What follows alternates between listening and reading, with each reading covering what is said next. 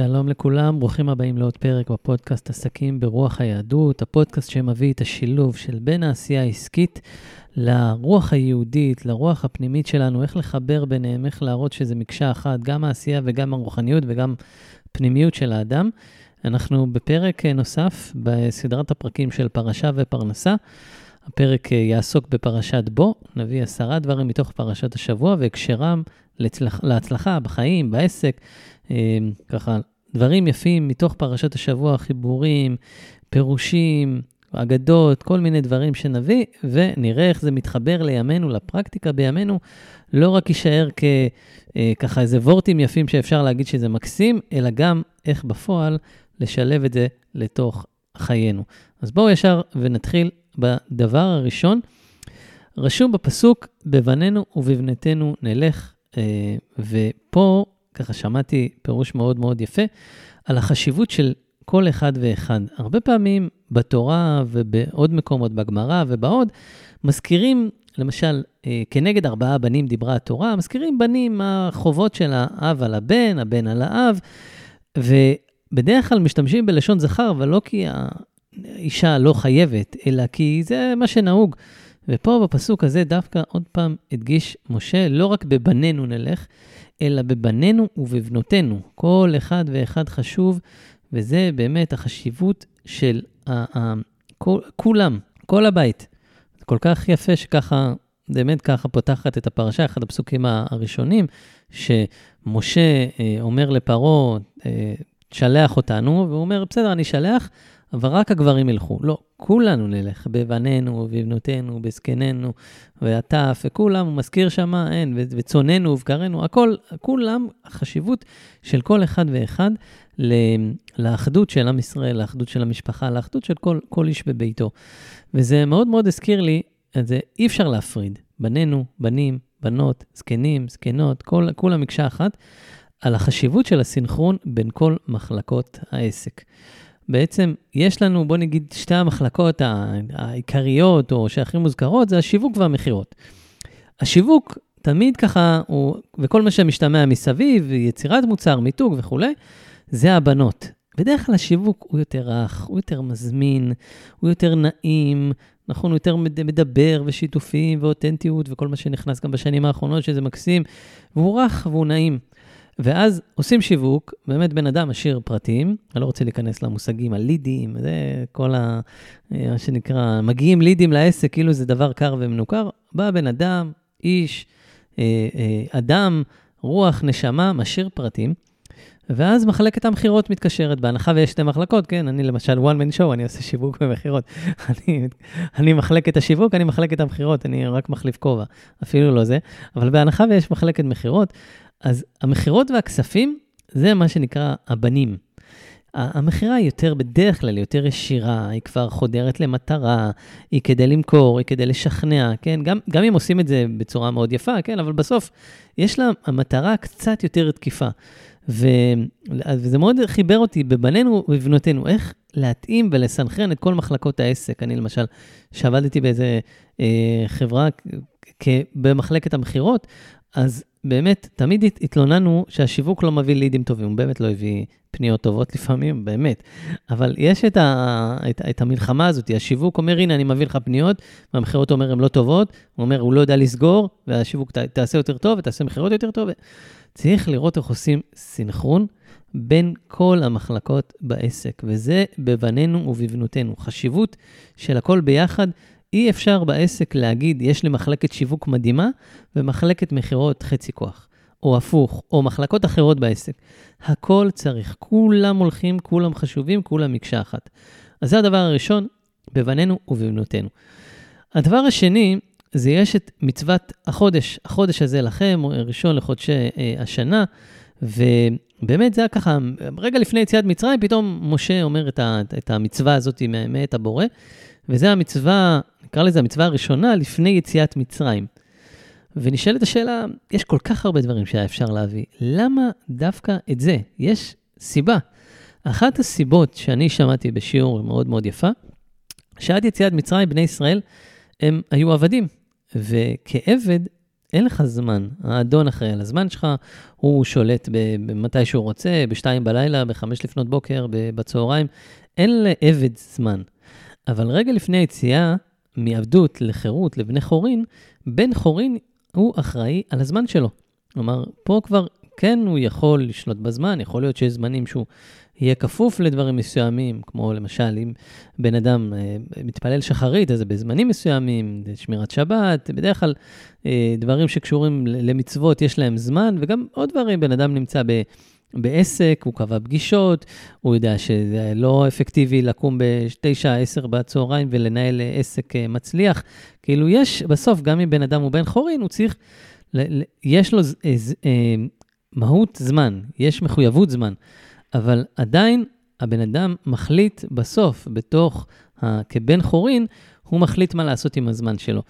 ובאמת ככה רצה הקדוש ברוך הוא להנחיל לבני ישראל, החודש הזה, ספירת החודש, אנחנו יודעים שברגע שסופרים את הלבנה, אז הכל מתנהל לפי זה. אם בית הדין, למשל, היה מחליט, היום כבר יש לנו לוח שנה, אבל פעם היו עדים והתראות, ואז היו מחליטים מתי זה ראש חודש, ולפי הראש חודש, אז באמת ככה כל אה, אה, הזמנים, החגים, ויש סיפור מאוד מאוד מעניין בגמרא, אני לא זוכר ממש אותו לפרטי פרטים, אבל עם שני רבנים שהתווכחו, היום זה אה, ראש חודש, לא מחר זה ראש חודש, ואז ככה החליטו מתי יום כיפור, ורב אחד אמר, אני לפי הדעה שלי, אם יום כיפור, אם ראש חודש היה אמור להיות ביום הזה, אז עוד עשרה ימים זה יום כיפור, ואם, נראה לי, נראה לי הלל הזקן, או לא, לא זוכר בדיוק, אבל בעצם המהות הסיפור היה מתי יהיה ראש חודש, כי אז ייקבע יום כיפור. וביום שהחליט בית הדין מתי יהיה ראש חודש, למרות שהרב השני לא הסכים איתו, הוא עדיין ציווה עליו, אתה תעשה את יום כיפור ביום הזה. והקדוש ברוך הוא נתן לנו את האפשרות לבחור מתי יהיה ראש חודש. כלומר, ולפי זה כפוף. כלומר, גם אם לכאורה טעינו, אז הקדוש ברוך הוא אומר, ככה הם קבעו, זה מה שנהוג, אז, אז יום כיפור יהיה היום הזה, גם אם הם, הם טעו. אני מקווה שלא אמרתי את זה בצורה לא נכונה או לא מובנת. בכל מקרה, אם נחזור לעניין, כבעל עסק, אנחנו צריכים לנהל את הזמן ולדאוג לניהול זמן אפקטיבי. וזה מאוד מאוד קשה. אחד הדברים שראיתי, לא מזמן עשיתי סקר, אחד הדברים שרשמו זה באמת מיקוד יומי במשימות. וזה מאוד מאוד קשה. אני למשל בחודש האחרון הייתי מאוד מאוד מפוזר, ואני רואה איך אני לא מספיק לעשות דברים. הפרק הזה בעזרת השם יהיה לשנים רבות, אבל למשל אני מקליט אותו ממש כמה ימים לפני פרשת בשלח, כי קצת לא התנהלתי נכון. יכולתי להספיק להקליט אותו לפני, ו- וחבל לי שהפסדתי את זה, אבל המחויבות היא עדיין, גם אם עבר הזמן, להקליט ולשמור על הרצף. וכבעל עסק, אנחנו בני חורין, אנחנו אחראים לעסק שלנו. יש לנו אפילו אחריות יותר גדולה מלמשל בן אדם שכיר, כי הוא יודע שהוא צריך לבוא בתשע בבוקר. כבעל עסק, אתה לא חייב לבוא בתשע בבוקר, אתה רוצה ואתה צריך ואתה מחויב. אז באמת, לדעת לנהל את הזמן, החודש הזה לכם, אז זה משהו שכבני חורין, יציאה מהעבדות, הקדוש ברוך הוא אמר, תשמעו, הזמן זה משהו חשוב, תנהלו אותו נכון כדי שתצליחו בחיים. הדבר השלישי, אני רוצה להביא משהו מתוך הזרע שמשון, אני מקווה שאני אצליח כל פעם להביא, אני חושב שהזרע שמשון, מעבר לזה שיש סגולה, בדוקה, מנוסה, תנסו, תבדקו, לזרע של קיימא ולזיווגים למי שלומד בספר, הוא הבטיח את זה, המחבר שם, זה מתפרסם לאט לאט עם השנים, אבל אני יכול להגיד לכם שמעבר לסגולה, החידושים שלו מרתקים, מדהימים. אני, קצת שאני מכיר, אבל כל פעם זרע שמשון מביא דברים, הוא גם רשם את זה, שהוא כתב את הספר, הוא אמר, אני לא מתכוון להביא דברים שכבר קיימים. והוא הכיר את התורה, מי שלומד אותו, אתה, אתה לא מבינים איפה הוא מחבר מדרשים וגמרות, ו, וכל הספרים שהיו עד, הוא, הוא חי עד לפני 250 שנה, כל מה שהיה עד דורו, מרמב"ם וכולם, הוא הכיר ב, בישר והפוך. אז באמת מה שהוא מביא זה דברים מאוד מאוד מיוחדים, וככה, הוא מדבר על בחצות הלילה. אה, אה, אה, בואו אולי ניתן הקדמה, כשהקדוש ברוך הוא ציווה את משה, הוא אמר לו, בחצות הלילה אני מנחית את מכת הבכורות. ואז משה שינה שמה, בפסוק אומר, כחצות הלילה. למה? הוא אומר שאינסטגנוני, גם רש"י מביא את זה שם, אינסטגנוני אה, אה, מצרים, שהם לא יטעו, שהם לא יחשבו טיפה זמן לא נכון ויגידו, אה, זה היה קצת אחרי חצות הלילה, והיה סיבה, כי באותה שעה יש, לכל שעה יש כוכב. וכל כוכב משפיע בשמיים על מה שיקרה. זה גם רשום בגמרא, אני לא זוכר באיזה אה, מסכת, ואומרים, זה היה בדיוק בין המעבר של כוכב צדק לכוכב מאדים, או הפוך, או מאדים וצדק. אז כוכב מאדים הוא בעצם הכוכב שהוא יותר ככה דין, וכוכב צדק הוא הכוכב של הרחמים. והם היו, והם היו אומרים, הם היו טועים בחישובים, הם אומרים, אה, המכה, בכורות, וההוצאה של בני ישראל לא קרו בגלל הקדוש ברוך הוא, אלא הם קרו בגלל שבדיוק בזמן הזה, זה היה בשמיים את כוכב מאדים, אז מאדים נתן את הדין להרוג את הבכורות. ואז התחלף לצדק, ובגלל זה הם יצאו ממצרים. לא, בגלל זה מוש... אה, אה, הקדוש ברוך הוא אומר, בחצות הלילה, בדיוק ברגע של חצות הלילה, שיש כאילו הרגע הזה של בין המעבר של הכוכבים, ואז אף אחד מהם לא שולט, בדיוק ברגע הזה כל הבכורות מתים, ובני ישראל אה, יזכו לצאת ממצרים, וזה דבר מאוד מאוד יפה, מעבר לחידוש המקסים שהזרע שמשון מביא את זה, אני גם ממליץ על, זה מובא גם בספר מעבר לסגולה של הרב אליהו עמר, ממליץ בחום לקנות את הספרים שלו, זה מתוק ביותר למי שרוצה להגיד דברי תורה מיוחדים לפרשת השבוע. אה, אבל שמה, הוא גם בתוך הספר אומר, לרגעים תבחננו. כלומר, הקדוש ברוך הוא נמצא בכל רגע ורגע, והוא יכול להביא את הישועה בדיוק מתי שהוא יחליט, זה יכול, ויכול להיות כהרף עין. ואנחנו לא יודעים מתי, אבל אנחנו עושים את ההשתדלות ובונים את הכלים ו- ועושים את מה שצריך כדי שברגע הנכון, שנקרא בחצות הלילה, בדיוק יגיע הרגע הזה והקדוש ברוך הוא יגיד, הנה, אתם יוצאים מעבדות לחירות, נקרא לזה, כן? יותר נכון, מעבדות, לפעמים בן אדם כל כך קשה בעסק, וההכנסות לא גבוהות, זה מרגיש עבדות, כי זה גם מרגיש את ה... בוא'נה, אני משקיע, אני עושה דברים, ואני לא מקבל את התגמול אה, הראוי, לא אגיד התגמול שמגיע לי, הראוי להשקעה, אם בן אדם עכשיו יהיה בעבודה, אפילו יקבל מינימום לשעה. לפעמים בעסק אתה כל כך משקיע ואפילו מינימום אתה לא מקבל.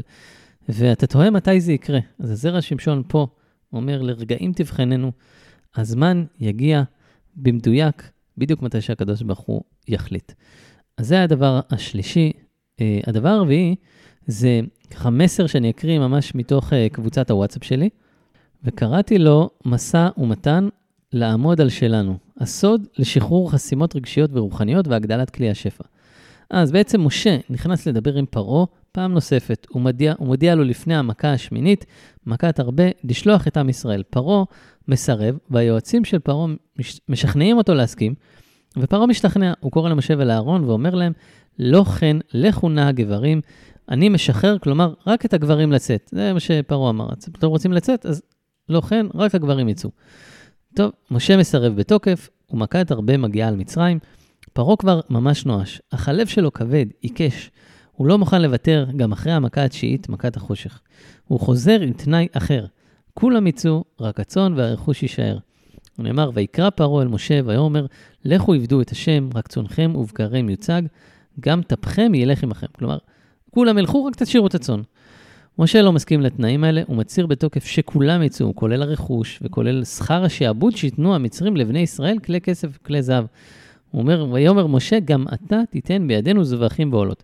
עכשיו פרעה ממש עצבני. הוא מאיים על משה שלא יוסיף לראותו יותר. אם יראה אותו שוב, פרעה יהרוג אותו. נאמר, ישמר לך על תוסף ראות פניי, כי ביום ראותך פניי תמות. זהו, המסע ומתי נגמר. מראש, משה הציג את התנאים והם היו ברורים, מראש מהמכה הראשונה, על פרעה לשחרר את עם ישראל לאלתר. כולם, בלי יוצא מן הכלל וכולל הרכוש. הגיע זמן הגאולה, הקדוש ברוך הוא הודיע שהסתיימה תקופת השעבוד והעבדות במצרים, אך פרעה לא היה מוכן להקשיב. הרבה פעמים אנחנו מתקפלים בחיים. יש לנו תנאים ברורים, מה עושה לנו טוב, אך הצד השני יודע ללחוץ ולשכנע אותנו אחרת. זה תקף לכל דבר בחיים, ובפרט בעבודה ובעסק. אנחנו לא תמיד רוצים לעשות דברים מסוימים, אך לא תמיד יודעים לעמוד על שלנו. זה יכול לפגוע בנו בדרישות עבודה ושכר, בהתנהלות שוטפת עם לקוחות, ובכל אינטראקציה ומערכת יחסים. משה בא ללמד אותנו כלל. אם משהו מציק לנו פנימה, כנראה שיש פה רצון אלוקי שמתערער.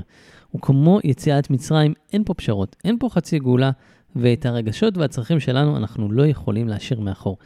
זה יפגע בנו, במיוחד לטווח ארוך. זה מייצר חסימות רגשיות ורוחניות שמשפיעות על השפע שלנו מלהגיע. כאשר יש קיבוץ פנימה, יש גם קיבוץ בכלי השפע שלנו. אנחנו ממש שמים מחסור שם לעצמנו. ואין צורך להסתכל החוצה ולהגיד, הוא דחף אותי לכך. עלינו להסתכל פנימה וללמוד מהשיעור, ללמוד להיות חזקים יותר לפעם הבאה ולעמוד על התנאים שלנו. לשקף לצד שמולנו מה בדיוק מתאים לנו ומהו הקו האדום עבורנו. ובסוגריים, יכולות להיות פשרות, אך רק אם זה באמת מסתדר לנו. אנחנו צריכים לחקור יום-יום את הצרכים הרגשיים שלנו, כי הם אלו שמשפיעים על השפע להגיע עד אלינו. פרעה, השליט האכזר, לא הפחיד את משה רבנו, כי משה הלך בשליחות השם. וכמוהו גם אנחנו, כל יום ויום חיים בשליחות הקדוש ברוך הוא, בתנאי שנקשיב לצרכים הפנימיים שבנו, הם הקשר הנשמתי שלנו לבורא. אז באמת, הדבר הרביעי זה ממש לעשות משא ומתן. הרבה פעמים אנחנו מרגישים שמה, והוא אמר ככה, ואני רוצה לעשות איתו עסקים, ואולי אני לא אגיד משהו, ו... לא, להקשיב ולהגיד בדיוק מה שעולה על ליבנו, לא לוותר, להקשיב לקול הפנימי, ובאמת, כי, כי בסופו של דבר אחרת, מה שיקרה, אנחנו נגיד כן לעסקה, אבל כל הזמן נרגיש מכווצים, וזה לא ירגיש לנו טוב. זה, וזה לא נכון, בטח גם לא לטווח קצר וגם לא לטווח ארוך. יש לנו עקרונות, יש לנו תנאים לעמוד בהם, להקשיב להם, והקדוש ברוך הוא, בעזרת השם, עם ההקשבה, ידאג גם שהדברים שאנחנו רוצים ונכונים לנו מתוך הרצון הפנימי יקרו בצורה טובה. אה, וזה ככה, לדעתי, מנהלים עסק טוב, עסק שעובד אה, עם הפנימיות ובהקשבה, ולא רק חושב על המספרים ומה שנראה טוב בעין.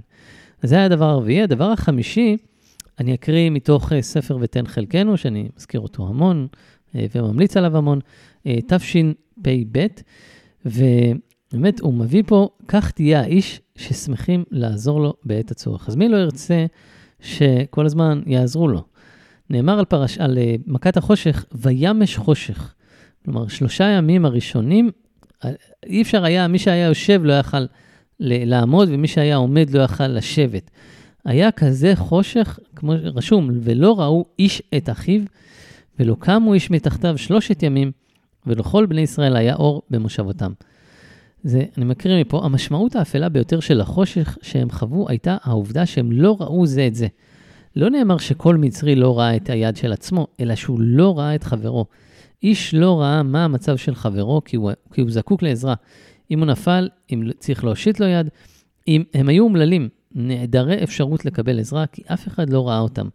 כמה אומלל הוא מי שאין רואים אותו. זה, וזה בעצם נאמר, ולכל בני ישראל היה אור. כלומר, כשבן אדם נמצא בכזאת תחושה של לא רואים, אה, לא רואים איש את אחיו ולא לא מסתכלים, אה, אז גם אם זה אליו, אז הוא מרגיש באמת, כדי להצליח בעסק צריך, צריך עזרה, אי אפשר לעשות את זה לבד. ודבר שני, גם לראות את השני. כלומר, זה שבן אדם מצליח, או זה שבן אדם יודע מה לעשות והוא מתרכז רק בעצמו, זה לא באמת הצלחה עסקית. זה, זה להיות באיזשהו מקום כזה, טוב, אני, אני, אני ואפסי עוד. ובאמת הדבר הנכון זה לראות איש את אחיו, לראות איך מכניסים את זה לעסק, לראות איך בשבוע הלו"ז העסקי לא רק מסתכלים על העשייה שלי, אלא מקדישים אפילו שעה אחת בשבוע, איך אני יכול לעזור לעסקים סביבי, איך אני יכול לעזור לקולגות שלי להתפתח, איך אני יכול לעזור בכלל. שוב, אנחנו הרבה פעמים אומרים, אני, בסדר, זה, אני, זה מה שאני עושה, אני עוזר בעסק, אני, אבל זה בשבילנו. כלומר, אני עוזר בעסק לאחרים כדי שאנחנו נרוויח מזה. לראות איפה עוד יותר לקחת את מכת החושך הזאתי ולהכניס בה אור בחיינו, ולהגיד איפה אני עוזר, לא לשם זה שיגיעו לי עוד לקוחות, אלא לשם זה שיגיעו למישהו אחר עוד לקוחות. והדבר הזה, מה שנקרא, מה השם דורש מעמך? כי עם אהבת חסד. צנע לכת עם אלוקיך ואהבת חסד, אה, באמת לאהוב לעשות חסד ולראות איך להכניס את זה לתוך הלוז העסקי שלנו. אז זה היה הדבר החמישי. והדבר השישי, אני ממשיך ככה עוד כמה עמודים בבטן חלקנו, וזה הנושא של ולמן תספר. אז אנחנו יודעים שבפרשה הזאת נאמר, נאמרו כמה, שלושה פסוקים בעצם, על סיפור יציאת מצרים. ומה שנקרא ה storytelling היהודי עוד התחיל הרבה, קוד, הרבה לפני המילה storytelling. היהדות מורכבת מסיפור. התורה היא סיפור אחד גדול, וכל הגמרות והאגדות, ובעצם לספר סיפור, ואחד אולי הרגעים הכי הכי גדולים זה ההגדה. כלומר, להגיד את אגדת פסח.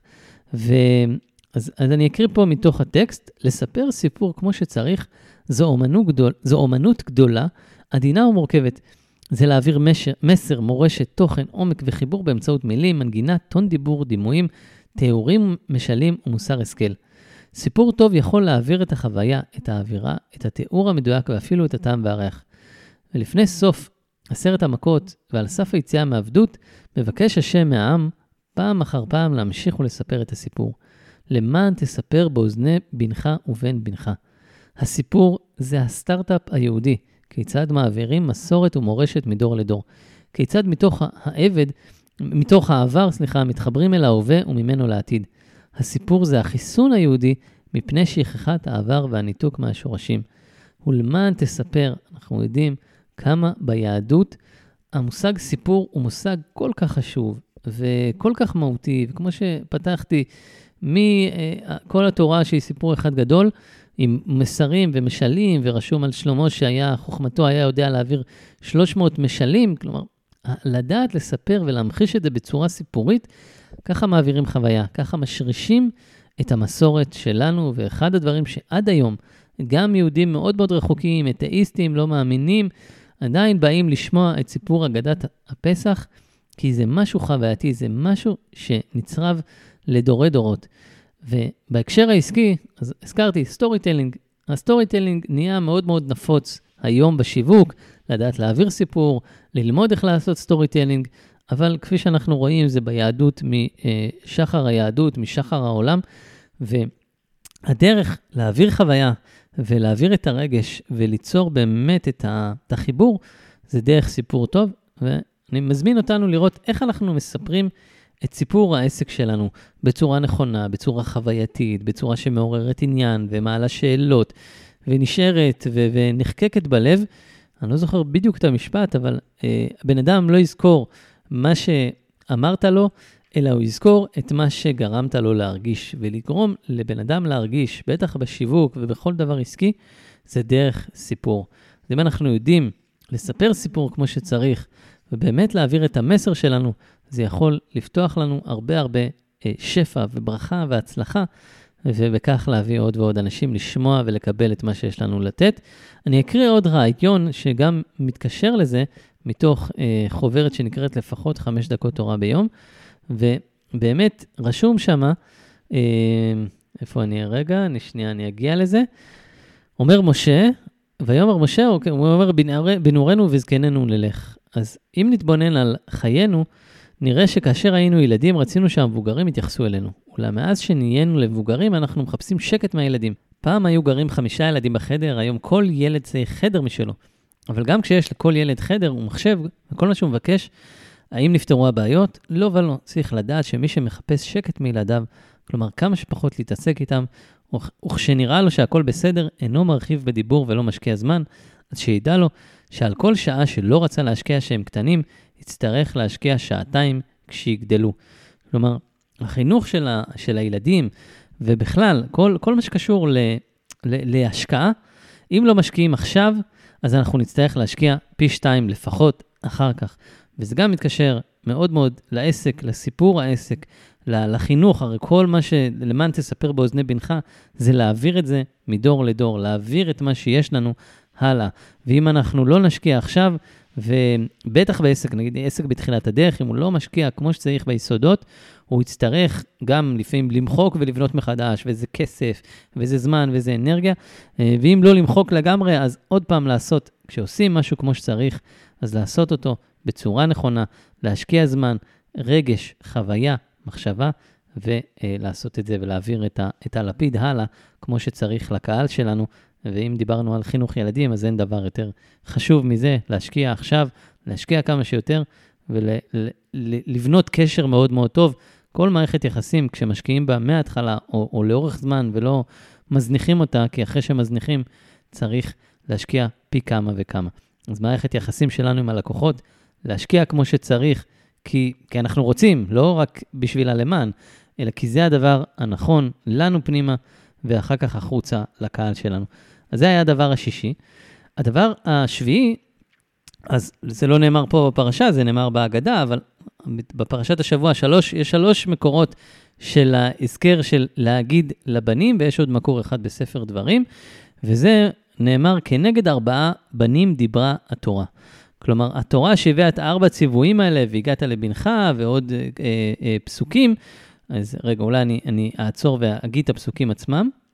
אז נאמר, והיה כי תבואו אל הארץ אשר ייתן השם לכם, ושמרתם את העבודה, והיה כי יאמרו אליכם ביניכם, מה העבודה הזאת? כלומר, אחת השאלות זה, מה העבודה הזאת לכם? זה נאמר על, שנקרא, על הבן הרשע. ויש אה, עוד ועוד אה, פסוקים, רגע, פסוק אחרי זה אומר, והגעת לבנך ביום ההוא לאמור, בעבור זה עשה השם לי בצאתי ממצרים. זה אה, הפסוק השני. ועוד uh, פסוק שמוזכר, והיה כי ישאלך בנך מחר לאמור, מה זאת? ואמרת לו, בחוזק יד הוציאנו השם ממצרים מבית עבדים. אז פה בפרשה מוזכרים ש- שלושה פסוקים, ובספר דברים מוזכר הפסוק הרביעי, ובאמת הסיפור, כנגד ארבעה בנים דיברה התורה. למה? כי באמת יש ארבעה סגנונות. יש את הבן, מה שאומרים, הבן החכם, הרשע, התם ושאינו יודע לשאול. אגב, רשע, שמעתי על זה פירושים מאוד מאוד יפים, זה לא רשע של ילד שהוא רע או שעושה דברים, אלא האופי, ההסתכלות שלו היא כאילו רשעית, אבל דווקא הבן שמוגדר רשע, אני אומר את זה במרכאות, יכול להגיע לפריצות דרך מאוד מאוד גדולות.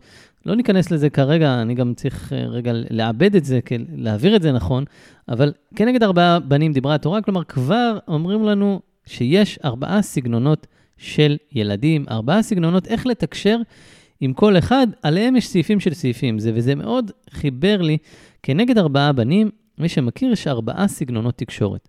יש את התקשורת, אה, סגנון מקרב, אה, אה, סליחה, תומך, מנתח, משימתי ומקדם. כלומר, כל אחד מהם, המקדם, הוא רוצה יותר שיראו אותו, והוא מקדם דברים, ותמיד יראו אותו בפרונט וקופץ. המשימתי הוא גם אחד שנשמע, אבל הוא יותר כזה אה, משימה, חדור מטרה. התומך הוא יותר מכיל ו- ומחבק ועוטף, והמנתח הוא זה שחופר, מה שנקרא. הוא רוצה כל, הוא יקרא, אם תביאו לו חוזה 50 עמודים, הוא יעבור על כל מילה ומילה. ובאמת, הדבר הזה כל כך מתקשר, כי הסגנונות תקשורת לא נוצרו סתם. הם כנגד ארבעה בנים. כבר התורה אמרה לנו, לכל בן אדם יש את הסגנון שלו, ואנחנו צריכים לדבר לכל אחד במילים שלו. אז בשיווק העסק זה נכנס בצורה מהותית. כלומר, אם אנחנו נגיד, אני רק מדבר בצורה מסוימת, אז אנחנו נפגע רק בסוג, סגנון יותר נכון של קהל מסוים.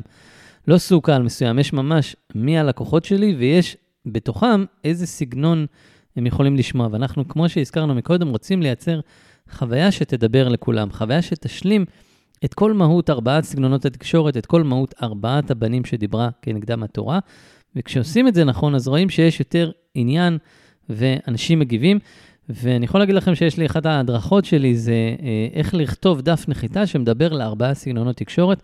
מאוד מיוחד, איך מכניסים את זה ועושים באמת בצורה מאוד אה, אה, מעניינת וטובה, שכן מדברים לכולם, גם אם זה דף נחיתה אחד. כלומר, לא תמיד צריך לעשות ארבעה, למשל, דפי נחיתה, דף אחד מאוד ארוך למנתח, דף מאוד קצר למקדם, כי זה מה שהוא רוצה, דף uh, קצת יותר uh, מפרט למשימתי, ודף שהוא מאוד מכיל ו- וסיפורי ל- ל- לתומך. לא, אפשר לשלב את כולם uh, בצורה אחת. אז זה למשל, עשיתי את זה בהדרכה של דפי נחיתה, אבל בכל דבר, לראות איך להכניס את הכנגד ארבעה בנים דיברה התורה ולדבר לכל ארבעת הסגנונות. לא סתם הוזכר לנו ארבעה אה, פסוקים שבהם נאמר בצורה כזו ואחרת איך להגיד לבנים, כי זה מאוד מאוד חשוב להעביר את המסר, להעביר את הלפיד, וכל אחד מהסגנונות התחבר בצורה מסוימת, וצריך לפנות לכולם כדי לא לאבד אף אחד. זה היה הדבר השביעי. הדבר השמיני שאני רוצה להביא, זה מה שנקרא שיטה להצלחה במשא ומתן. ככה אה, פותח הכותרת המאוד מאוד אה, קוסמת הזאת בספר ותן חלקנו תשפ"ג.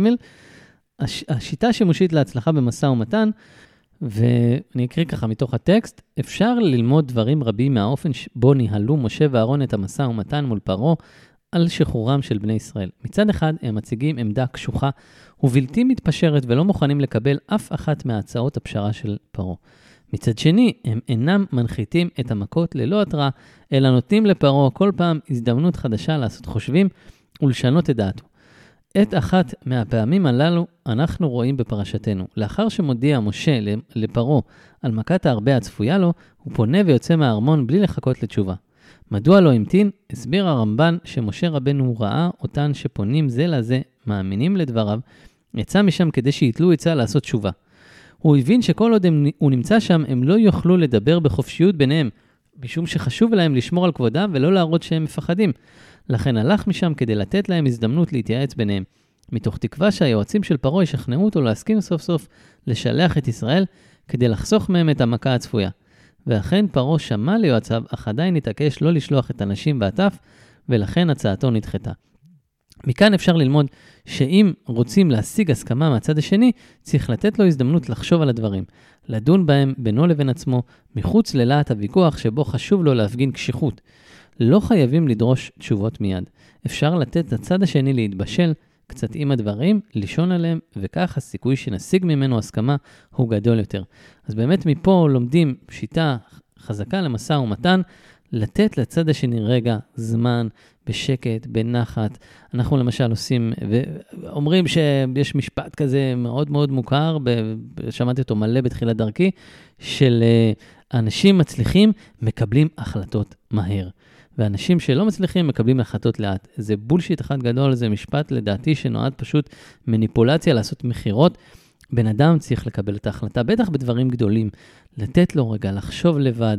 לא למשל, נגיד אנחנו עושים פגישה, אז לא, רגע, ת, תחשוב על הדברים, תדברו ביניכם ולהיות ליד. ללכת, להגיד, רגע, אני הולך לשירותים, רגע, אני רוצה לעשות משהו, רגע. כאילו, כדי לקבל החלטה, בן אדם גם צריך רגע זמן ושקט ופניות ו- ולהיות הוא עם עצמו. וזה בסדר גמור שבן אדם לא מקבל החלטה מיד, להפך, פה אומר לנו אה, המחבר בפירוש היפה הזה, שלהצלחה במשא ומתן זה כן לתת לצד השני להתבשל. וזה בניגוד להרבה אה, שיטות מכירה שאני מכיר, בדרך כלל זה מאוד לוחץ ומאוד נוקב. לא, לתת לצד השני להתבשל. ככה עשה משה, ואם משה עשה ככה, מי אנחנו שלא נלמד מהמנהיג הגדול בעם ישראל, המנהיג הגדול בעולם, שאמר, קחו רגע, תן ליועצים ככה לגבש דעה ביניהם ולקבל דעה טובה. אז רוצים להצליח במשא ומתן, מה שצריך זה גם לתת זמן לצד השני להתבשל, ומתוך זה הוא יקבל החלטות טובות יותר ומושכלות. אז זה היה הדבר השמיני. בואו נעבור לדבר התשיעי, וזה קטע, אני כאילו רשמתי עשרה דברים, אבל אני רואה שאיחדתי שניים, אז אולי יצא לנו רק תשעה דברים, אבל אולי בעזרת השם יצא עוד איזה משהו ככה שיעלה לי לראש. אז אני מקריא, הדבר אה, אה, התשיעי, מדוע לא הכינו צידה לדרך? וזה מתוך ותן חלקנו תשפ"א, ורשום ש... ויאפו את הבצק אשר הוציאו ממצרים עוגות מצות כי לא חמץ, כי גורשו ממצרים ולא יכלו להתמהמה, וגם צידה לא עשו להם. אז באמת שואל פה, מדוע לא הכינו צידה לדרך? ראיתם משפחה שיוצאת לנופש של ארבעה ימים? כאילו, נה, נהג ההסעה פוחר את ידיו בייאוש, איך יצליח להכניס לתוך הרכב כל כך הרבה מזוודות, תיקי יד, ארגזים ושקיות לארבעה ימים. ואילו כאן יש לקרוא את הפסוק ארבע וחמש פעמים כדי לקלוט את המשמעות. וגם צידה לא עשו להם. האם הם יצאו ממצרים בהפתעה? אמנם המצרים גירשו אותם, אבל הם לא היו מופתעים. זה שנה תמימה מתרחשות עשר המכות, בזו אחר זו. ואף המועד המדויק ליציאה היה ידוע להם, בבוקר של ליל הסדר, ולכן הסתוו אבותינו לאכול את קורבן הפסח באופן המעיד כי הם עומדים לצאת. רשום, וככה תאכלו אותו, מותניכם חגורים, נעליכם ברגליכם ומקליכם בידיכם, ואכלתם אותו בחיפזון, פסח הוא להשם. מדוע, אז אם כך, מדוע הם לא הכינו צידה לדרך? אפילו משהו. עם שלם, מיליונים, זקנים, גברים, נשים וטף יוצאים לדרך לא לטיול של ארבעה ימים ולא למקום נופש, הם הולכים למדבר. מה יאכלו בדרך? לא הכינו אפילו תאנה מיובשת. כאילו, מה, מה קורה פה? אז הסביר רבי יצחק אייזק, אה, כי הם היו חניכים של עשר מכות. הם ראו במו עיניהם וחוו בעצמם שמים, שמים אינם מים, אלא אם השם רוצה שהם יהיו מים, ושצפרדעים יכולות להיכנס לאש. השמש יכולה לזרוח, ועדיין יהיה חושך למי שהשם רוצה שהיא לא תאיר לו. הם הרגישו שהם מנוהלים על ידי השם כתינוק הנישא בידי אמו. והאם הוא דואג לצידה לדרך לפני היציאה? השם לא אמר להכין אוכל, אין צורך להכין. מצוידים באמונה מוחשית זו, יצאו אבותינו ממצרים והורישו אותה לדורות הבאים. כך התחלנו את דרכנו. אז פה הוא אומר, כמו שתינוק יודע, תינוק לא מכין צידה לדרך, הוא ניסה על ידי אימא שלו, תינוק בחודשים הראשונים, גם כשאחרי כמה שנים, ילדים, גם ילדים קטנים, הם אומרים, ההורים דואגים לנו, אין לנו מה להכין. אז באמת ככה בני ישראל הרגישו, הם אמרו, אם הקדוש ברוך הוא יכול לעשות פה אור ושם חושך ולשנות את כל הטבע, אז הוא גם ידאג לנו, וככה הם יצאו לדרך. אני חושב שאם ככה נסיים בזה את הפרק, אז באמונה הזאתי, בידיעה הזאתי שהקדוש ברוך הוא יכול לעשות הכל, זה, אני חושב, אולי המוטיב הכי הכי אה, קשה בעסק, הוודאות.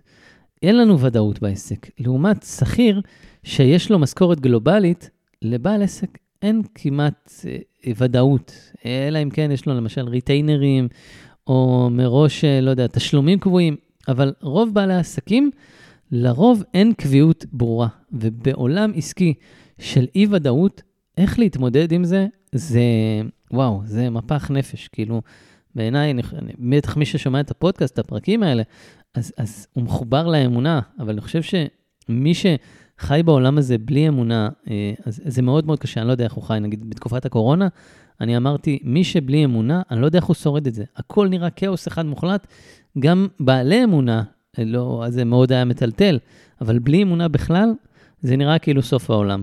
וזה הרבה פעמים יכול גם להרגיש בעסק. כשאנחנו, האמונה יורדת, אז אנחנו בכאוס. כלומר, בלי משהו להאחז בו, בלי הביטחון, זה מאוד מאוד קשה. ולהתמודד עם אי-ודאות בעסק זה ממש כמו שבני ישראל התמודדו. הם פשוט לא הכינו צידה לדרך. הם יצאו, זה הכי אי-ודאות, ללכת למדבר בלי כלום. יש לך משפחה לדאוג לה. ומה הם אמרו?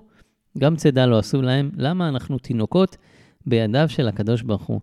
אז אני חושב שזה יהיה רגע מאוד uh, מכונן, לפחות בעיניי, לפחות בתקופה שגם אני נמצא, ואני כל הזמן משתף את זה, לי כרגע הוודאות בעסק היא מאוד מאוד ככה, הרגליים מאוד מטלטלות, אבל האמונה, והרבה בזכותכם, וזה שאני מקליט את הפרקים ועושה את הפעילות, ומשתף אתכם בתובנות ובדברים שעולים, איך כן להתמודד למרות הקושי והזמנים היותר אה, לחוצים. אחד הפרקים שמאוד חקוקים לי, והמשפטים בתוך הפרק הזה, עם הפרק עם אה, בת שבע דרגן, פרק 43, שאני ממליץ בחום לשמוע, שהיא אמרה שאת המכל... אה, קודם כל, המילה קושי הפכה אצלי למשל לאתגר, וגם אצלה היא שיתפה את זה, ואז המילה קושי, המילה אתגר הפכה להזדמנות מתוך דברי אה, הרבי מלובביץ', ובאמת זה, אני חושב שזה מאוד מקסים, אתגר זה באמת הזדמנות, אבל עם כל זאת אנחנו בני אדם, ובסוף יש אתגרים, נכון, זו הזדמנות לגדול, אבל כרגע זה אתגר, וכרגע זה קשה, וכרגע זה לא נעים, וכרגע זה סוחף ומטלטל, אבל מה שלפחות אותי מחזיק, ואני בטוח שגם הרבה מהמאזינים אה, יסכימו עם זה, זה האמונה. זה האמונה שאנחנו פה מנוהלים על ידי הקדוש ברוך הוא, ואנחנו התינוקות בידיים שלו, ואנחנו עושים השתדלות ועושים מה שצריך. אנחנו לא מחבקי עצים ולא יושבים על הגדר, אנחנו עושים מה שצריך, ובעזרת השם, אה, הדברים יסתדרו. איכשהו גם לא יודע, אני, אני שם לב אצלי, איכשהו סוגר כל חודש וחודש למרות המצב אה, וההכנסות שירדו, והקדוש ברוך הוא מנהיג את זה, ומזמנים קשים אפשר להתפתח, או יותר נכון, מזמנים קשים מתפתחים הרבה יותר בדרך כלל מאשר מזמנים אה, טובים ו- ופשוטים יותר. אז אה, אני מאחל לנו שככה מתוך יציאת מצרים, מתוך המהות הזאת, מתוך זה שבני ישראל, לא הכינו צידה לדרך כי הם רצו להנחיל את זה לדורי דורות, שגם אנחנו נצליח להתמודד בזמנים כאלה, בזמנים יותר מטלטלים, ולהרגיש שאנחנו ממש כגמול עלי אמו, כגמול עלי נפשי, כמו שאומר דוד בספר תהילים, שאנחנו ממש תינוקות של הקדוש ברוך הוא ונמצאים בידיו. אני מאחל לנו שנצליח, אה, ולו לרגעים, לחיות ככה באמת, ומתוך התחושה הזאת אנחנו נרגיש הרבה הרבה יותר טוב והרבה יותר שלווים ובמנוחת הנפש, וגם אם דברים לא מסתדרים כמו שצריך, אנחנו עדיין נדע לצאת לדרך ו- ולעשות ו- ולהיות באמת במקום יותר שלב, למרות שלכאורה הכל מיטלטל מסביב. אז אני מאחל לנו ברכה, הצלחה, באמת שככה דברים שלקחתם מפה אה, ישבו על הלב ויעשו טוב. וגם לראות איך לקחת את הדברים האלה לעסק, את הפרקטיקה שהבאתי בכל עניין ועניין, ובעזרת השם נראה ברכה והצלחה במעשה ידינו.